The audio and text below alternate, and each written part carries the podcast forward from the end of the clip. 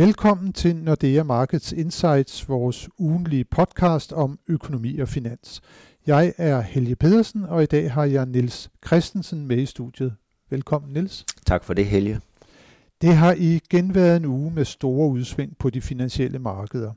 Investorerne er fortsat i gang med at fordøje de højagtige udmeldinger fra den amerikanske centralbank Federal Reserve, og i tillæg viste de amerikanske inflationstal for december måned den højeste stigningstakt i forbrugerpriserne i næsten 40 år.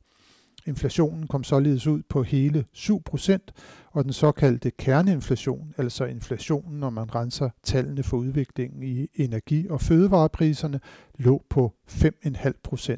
Det var det højeste i 31 år.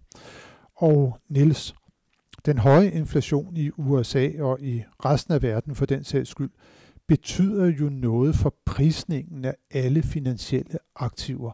Er det den proces, som vi er i gang med lige nu, altså at investorerne skal fordøje de her høje inflationstal og finde ud af, hvor bevæger renterne sig hen, og hvordan skal aktiekurserne så også prisfastsættes?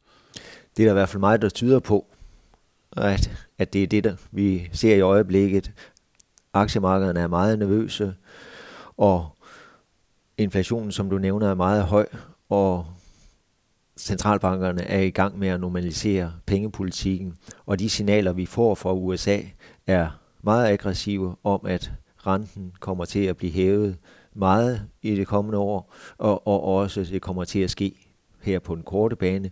I den forgangne uge har flere medlemmer af den amerikanske centralbank igen været på banen, øh, og det understøtter forventninger om, at vi kan få en renteforhøjelse allerede til marts måned, og efterfulgt af yderligere tre og det giver selvfølgelig nogle, nogle altså år. tre i år? Fire i alt. Fire ja. i alt ja. øh, i år. Øh, og det giver selvfølgelig nogle overvejelser hos aktieinvestorerne. Vi ser i USA, at teknologiaktier, som får det svært, og de har det svært, når renten bliver sat op. Og de havde jo et rigtig godt år sidste år, øh, så, så de bliver slået lidt hjem. Omvendt med finansielle aktier, bankaktier, de har det betydeligt bedre. De har det godt i USA, men de har det endnu bedre i Europa. Så er der måske også en tendens til, at investorerne søger lidt væk fra de amerikanske aktier. Øh, Standard Poor's, jeg tror, steg med 26 procent sidste år. Øh, så, og man har generelt været overvægtet de amerikanske aktier øh, på grund af stærke vækstudsigter derovre. Øh, så, så der ser vi måske mere en, en tendens til, at øh, investorerne søger til Europa for eksempel, øh, og også til, til, til andre, andre lande end, øh, end USA. Øh, så jo, der er en reprisning, det kan man godt tale om i øjeblikket, øh, på de globale finansielle markeder. Ja, nu har vi lige vendt øh, aktiekursudviklingen øh, og reprisningen der. Hvad med rentemarkedet? Øh, der så vi jo også, da de her meldinger fra Fed kom ud om, at man ville være meget mere aggressiv i sin håndtering øh, af inflationen. Der så vi også en ret kraftig stigning, især i de lange renter også. Ja. Sidenhen, så er, er det fladet lidt ud. Jamen, der er jo sådan lidt tegn på, at de aggressive udmeldinger med hensyn til opstramning af pengepolitikken, ikke blot de renteforholdelser, som der er lagt op til, men også at Fed vil overveje at reducere balancen allerede kort tid efter den første renteforhøjelse. Det, det betyder, at likviditeten bliver, bliver drænet på, på rentemarkederne, øh, og selvom inflationen er høj nu, når man så kigger ind i et scenarie, hvor pengepolitikken bliver strammet hurtigt op, ja, så dæmper det inflationsforventningerne. Og det er ligesom det, lægger så også en dæmper på de lange renter, mens de korte renter, de er stadigvæk stærkt understøttet af de forventninger, der er til forhøjelse af den pengepolitiske rente i USA. Så på den måde, så kan sådan en udmelding fra Forbundsbanken faktisk føre til, at de korte renter kommer til at stige mere og hurtigere end de lange renter.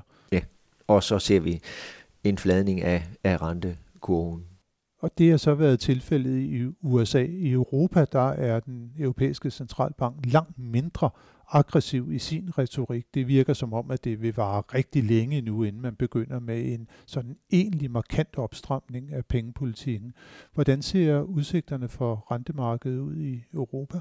Ja, der bliver den korte rente jo så fastholdt på et forholdsvis lavt niveau, mens de lange renter faktisk er steget. Vi har også fået høje inflationstal fra eurozonen. Vi fik det i slutningen af sidste uge. 5% inflation der. Så det er med til at understøtte den, øh, de lange renter. Øh, så de er kommet ganske pænt op, øh, både mod slutningen af december måned, men også her i januar måned. Så i Europa ser vi mere en stejlere rentekurve. Der ser vi mere en stejlere rentekurve, som så også smitter af på det hjemlige danske rentemarked. Men øh, Niels, øh, nu har du før nævnt, at investorerne måske bevæger sig lidt ud af det amerikanske aktiemarked og søger til Europa. Vi har jo på det seneste set en ret overraskende udvikling i den amerikanske dollar, som vi jo ellers har forventninger til, at den skulle stige, og meget også over for den danske krone fremover. Der har været tale om en svækkelse af den amerikanske dollar her over den seneste gode uges tid. Ja. Hvad, hvad ligger bag det? Og faktisk en, en, en ganske pæn svækkelse på, på over 10 øre, øh, som vi nu pludselig handler ned under 6 kroner 50 øh, i dansk regning. Øh, og det kan godt virke lidt paradoxalt, når vi nu har været inde på meget høj inflation. Vi fik også høje løntal i, i jobrapporten, lavere arbejdsløshedsprocent, øh, og så de udmeldinger, de aggressive udmeldinger, der kommer fra den amerikanske centralbank med udsigt til, som vi har nævnt, flere eller mange renteforhøjelser, ja, så burde man vel egentlig forvente, at, at dollaren ikke var faldet, men var steget i, øh, i stedet for. Øh, men det er lidt det, vi var inde på, øh, den reprisning af, af finansielle aktiver, ikke mindst aktierne, øh, at vi ser, at de amerikanske aktier er, øh, er mindre attraktive. Øh, måske ikke ligefrem, at man sælger ud i stor stil, men i hvert fald øh, de nye investeringer, som investorerne gør her først på året, jamen de søger mere væk øh, fra de amerikanske markeder, og som jeg nævnte, blandt andet i Europa, og det kommer så euroen til gode på bekostning af dollaren. Øh, så det ser vi som et stærkt element eller faktor bag øh, det dollarfald, vi har set den seneste uges tid. Og så er der også lidt psykologi. Investorerne har jo været positiv på dollaren i længere tid, og det var jo også øh, øh, bare også frugt, kan man sige, i, i anden halvår sidste år, hvor dollaren steg pænt.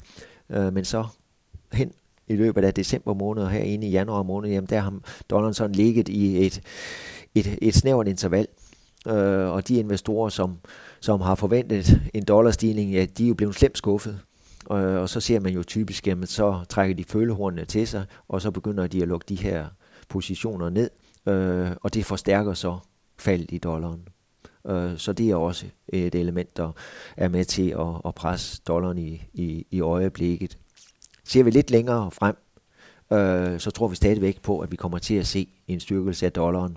Øh, det kan godt være, at vi lige har et par uger her, hvor dollaren får det svært, øh, men som sagt, det vil være underligt med, med så kraftig en pengepolitisk stramning øh, og højere korte renter i USA ikke bare i år, men også hvis vi kigger ind i 2023, øh, at så dollaren skulle blive den valuta, som investorerne brød sig mindst om.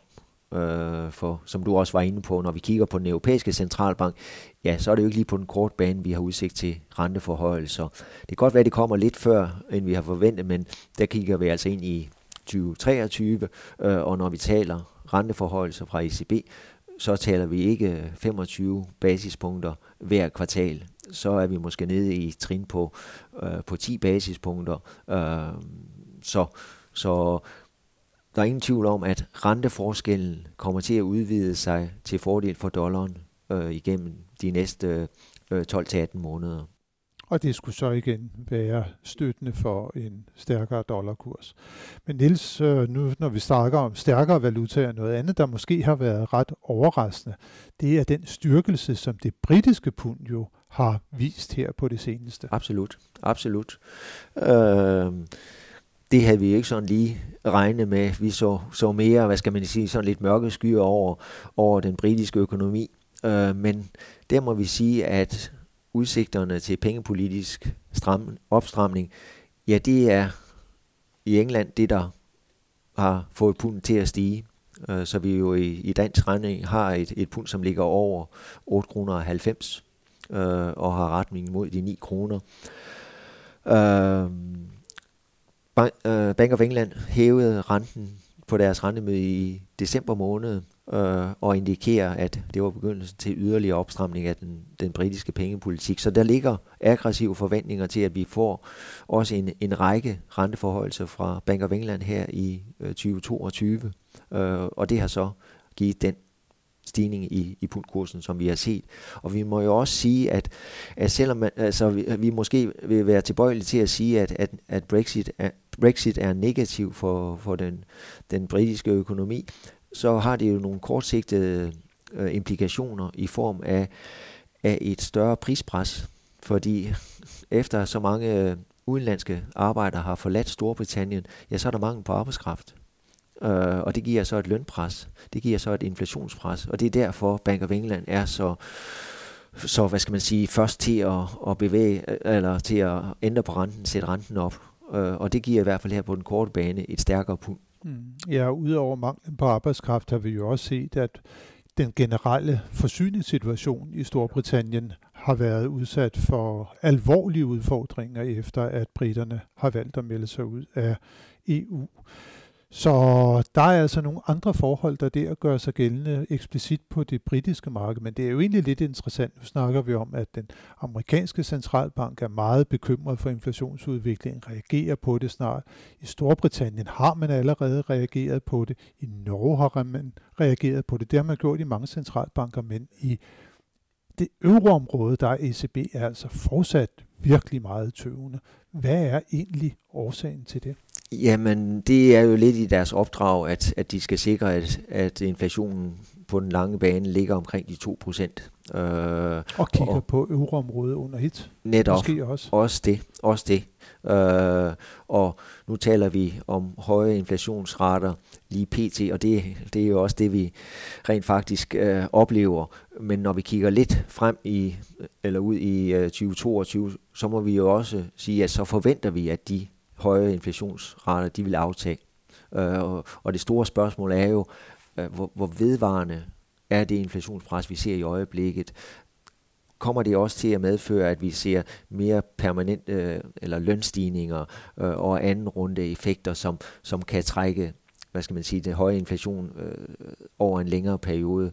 Øh, der vil øh, ECB nok være mere afventende, øh, øh og derfor være tilbageholdende med at sende højagtige signaler om, at nu øh, er det tid til at, at stramme op, øh, for, for, af frygt for at gøre det for tidligt. Ja, det bliver i hvert fald spændende at se øh, reaktionerne fra den europæiske centralbank øh, i de kommende måneder. Og der kan man sige, det er jo også ekstra interessant øh, for os herhjemme, for Nationalbanken følger jo en fast kurs over for euroen. Og der har jo igennem i hvert fald en periode, så har den danske krone været rigtig stærk over for euroen, og Nationalbanken har måttet intervenere kraftigt for ligesom at holde den inden for det tilladte interval. Der er sket lidt her på det seneste, Nille Der er kronen faktisk begyndt at blive svækket ret kraftigt igen. Den er, den er blevet svækket her de første par uger af, øh, af det nye år. Men omkring ECB, så er der ingen tvivl om, at Nationalbanken gerne ville se en opstramning, både af først, i første omgang retorikken, øh, og så signaler om, at der også kunne være øh, renteforhøjelse øh, i udsigt, fordi det vil også være med til at tage presset af kronen, øh, og, og dermed efterlade Nationalbanken uden behov for at nedsætte renten som de, de var nødsat til at gøre det tilbage i september måned. Der var massiv intervention i december måned, 47 milliarder brugte de, øh, og det lader ligesom op til, kunne der være optræk til en ny rente for, rentenedsættelse fra Nationalbanken for at, at, at svække den danske krone. Det er der ikke optræk til lige pt., for som du siger og nævnte, øh, så har kronen sådan blevet svækket lidt her først på året. Øh, og hvorfor er den det?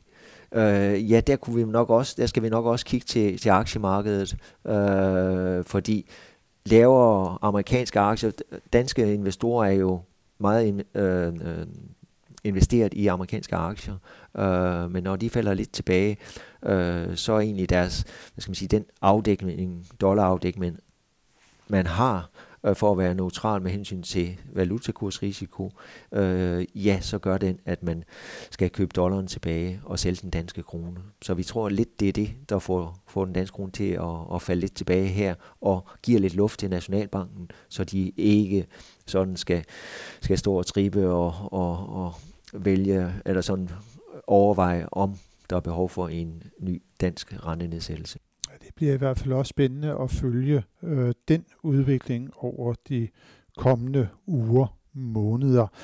Niels, her til allersidst, øh, der skal vi også lige vende øh, næste uges nøgletal, som vi plejer at gøre det. Og der må vi bare konstatere, at det er en forholdsvis tynd nøgletalsuge, øh, uge, som vi står over for. Der kommer interessante BNP-tal for fjerde kvartal for Kina på mandag, vi får også oplyst de endelige inflationstal fra euroområdet i december på mandag. Så kommer der på tirsdag data fra øh, finansanalytikernes vurdering af situationen i tysk og europæisk økonomi, øh, det såkaldte CDW-indeks.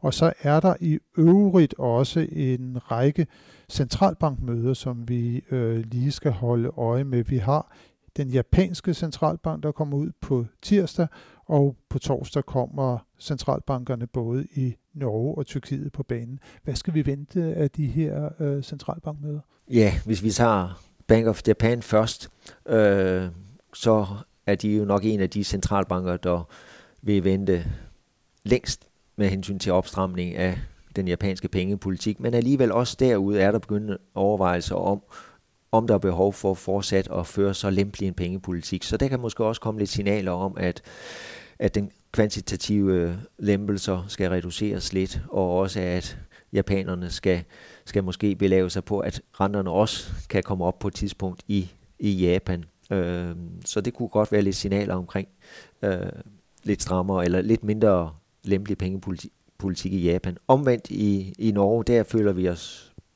overbevist om, at signalerne fra Norges Bank, det er, eller vil være på, på torsdag, at der kommer en ny renteforhøjelse på mødet i marts måned, og der kommer renteforhøjelser hver kvartal i 2022. Så vi ser ind i et år med fire renteforhøjelser af hver 25 basispunkter fra Norge. Og så var der Tyrkiet, kan man sige, går mod trenden. Øh, de sænker renten trods skyhøj, skyhøj inflation. Inflation, som er foranledet af det massive fald, vi så i den tyrkiske lira igen sidste år. Øh, det bliver spændende at se, om de fortsætter med at sætte renten ned. De gjorde det en 4-5 gange i efteråret. Øh, man kender resultatet. En, en lira, som blev sendt fuldstændig i dørken. Der er blevet taget nogle tiltag med, at, at hvad hedder det, de tyrkiske husholdninger og virksomheder, de kan forsikre deres øh, indestående, øh, så de ikke bliver hvad skal man sige, undermineret af, af fald i, i den tyrkiske lira, så det er sådan lidt sat en, støtte lidt den, den, øh, den tyrkiske lira, men, men fortsat, fortsætter de med at, og hvad hedder det, sætte renten ned, så efterlader det den tyrkiske lira meget, meget sårbar. Og man må sige, det er en anden økonomisk teoribog, som den gode Erdogan, han, han har læst i, øh, end, end mange andre. Og så skal vi så på den længere bane se, om øh, det måske var den rigtige teoribog, som han læste i, eller ej. Det bliver i hvert fald spændende, Niels, at følge også udviklingen i Tyrkiet. Men tak for nu, Niels, øh, for at være med i dag, og tak til alle jer, som har lyttet med. Det håber vi, at I også vil gøre, når vi er tilbage med nyt for de finansielle markeder igen i næste uge.